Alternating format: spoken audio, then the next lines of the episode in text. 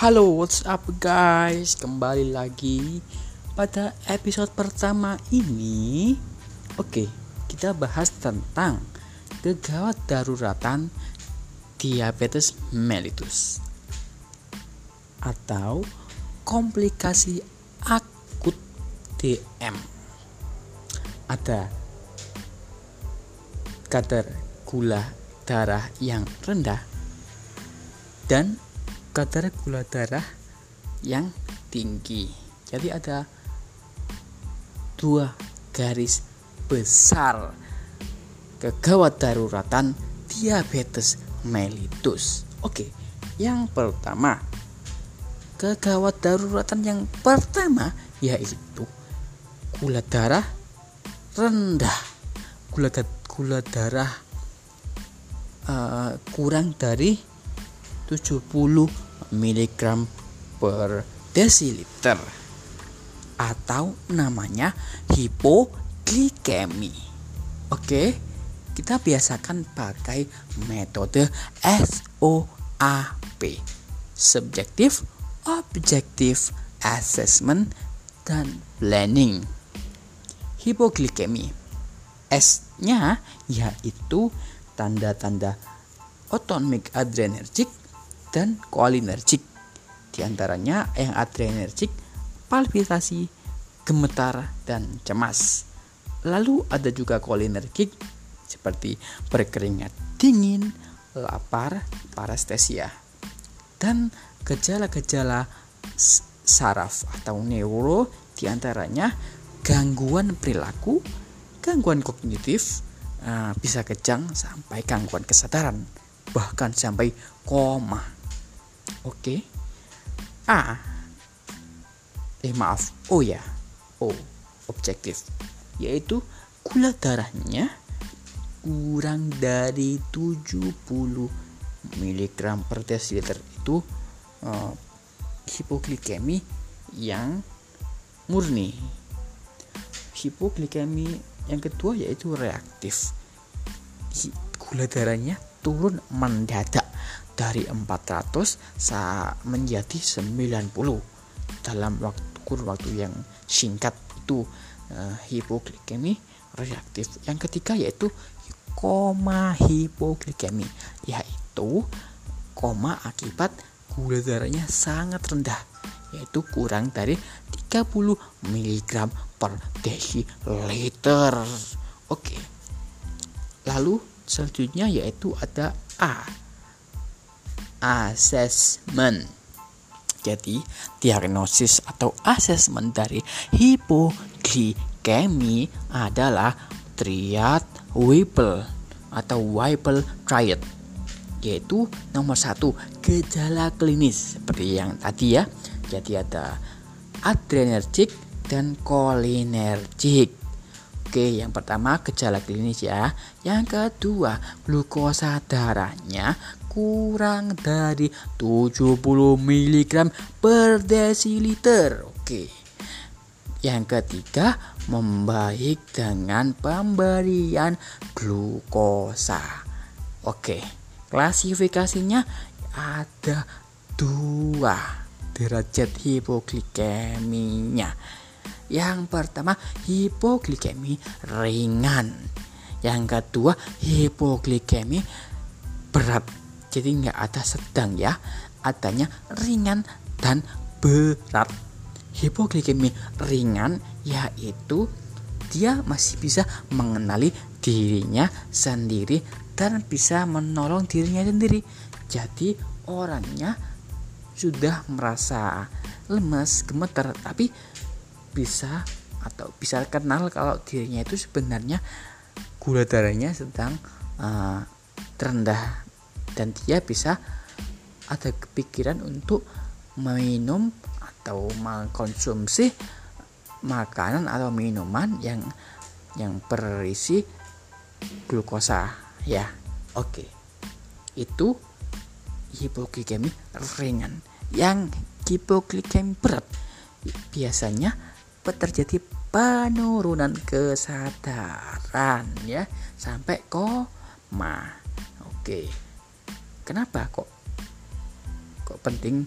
Karena untuk klasifikasi ini ter, eh, bisa bisa digunakan untuk hmm, planning terapinya juga. Karena beda terapinya hipoglikemi ringan dan hipoglikemi berat. Ya oke. Okay. dan keempat SO, SOAP P planning. Planning diagnosisnya ya tadi itu. Kalau uh, kalau belum dicekkan GTA ya silahkan dicekkan oke lalu yang kedua apa? Planning terapi. Oke, planning terapi kalau hipoglikemia ringan bisa dikasih glukosa 15 sampai 20 gram atau 2 sampai 3 sendok makan. Lah, gulanya 15 sampai 20 gram tadi itu dilarutkan dalam air. Oke lalu dipantau setiap 15 menit setelah dikasih glukosa yang larut air tadi ya. Oke, lanjut. Kalau sudah uh, sudah orangnya sudah baik, pasiennya sudah membaik, dikasih glukosa 15 sampai 20 gram tadi, dianjurkan untuk segera makan berat ya atau snack apa-apa. Tapi yang men, apa namanya mengandung banyak glukosa. Yang kedua ini planning tata laksana atau planning terapi untuk hipoglikemi yang berat oke. Yang pertama kasih dextrose 40% 20 sebanyak 25 ml oke ya.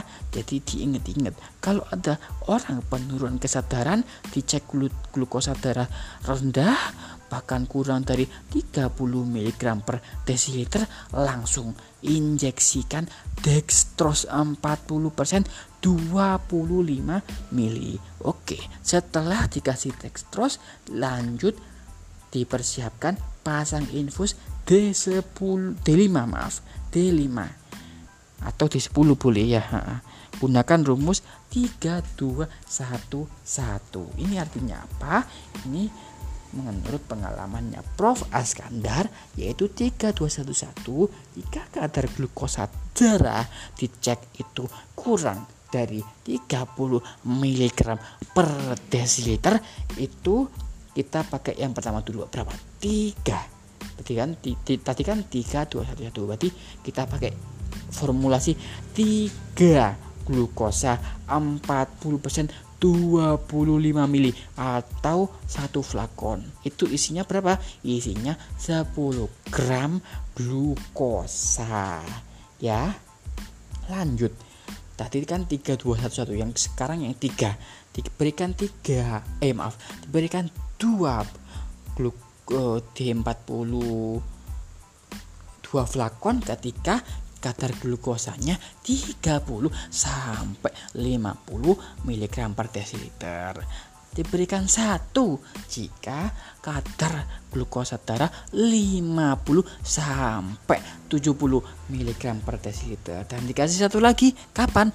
Kalau dia kadarnya 70 sampai 90 mg per desiliter tapi sudah menunjukkan uh, apa namanya gejala-gejala uh, adrenergi dan, dan kolinergi.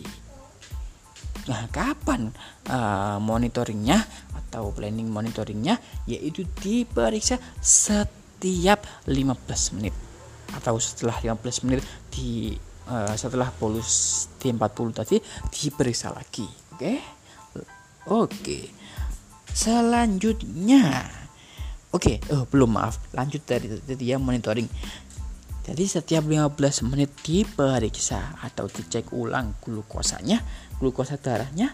Nah, kalau glukosanya masih kurang dari 100 mg per desiliter, boleh diulangi lagi uh, D40-nya. Oke. Okay sekarang edukasinya ya. Edukasi yang pertama yaitu jika pasien memang uh, seorang pasien diabetes mellitus yang sudah lama atau kronis yaitu edukasinya uh, penggunaan insulin atau obat anti diabetes oral OHO itu harus edukasinya lebih uh, mengena lagi. Yaitu misalkan Bu atau Bapak kalau mau, mau suntik suntik insulin atau mau makan atau mau minum obat itu harus makan ya. Jadi kalau uh, habis kalau nggak makan ya udah gak perlu dikasih obat atau nggak perlu suntik insulin. Kalau ngeyel nanti ya seperti kejadian seperti ini lagi gula darahnya ngedrop di bawah 100 atau di bawah 70 itu. Itu bahaya, nanti bahaya karena apa? Kadar glukosa darah yang rendah itu lebih bahaya daripada kadar glukosa yang sangat tinggi. Bahkan lebih dari 600 itu pun masih bahaya kalau glukosa darahnya uh, rendah ya Oke, itu tadi SOAP dari hipoglikemi. Untuk kegawat daruratan yang lain yang khususnya uh, hiperglikemi saya bahas di podcast episode episode selanjutnya. Oke, terima kasih telah menonton.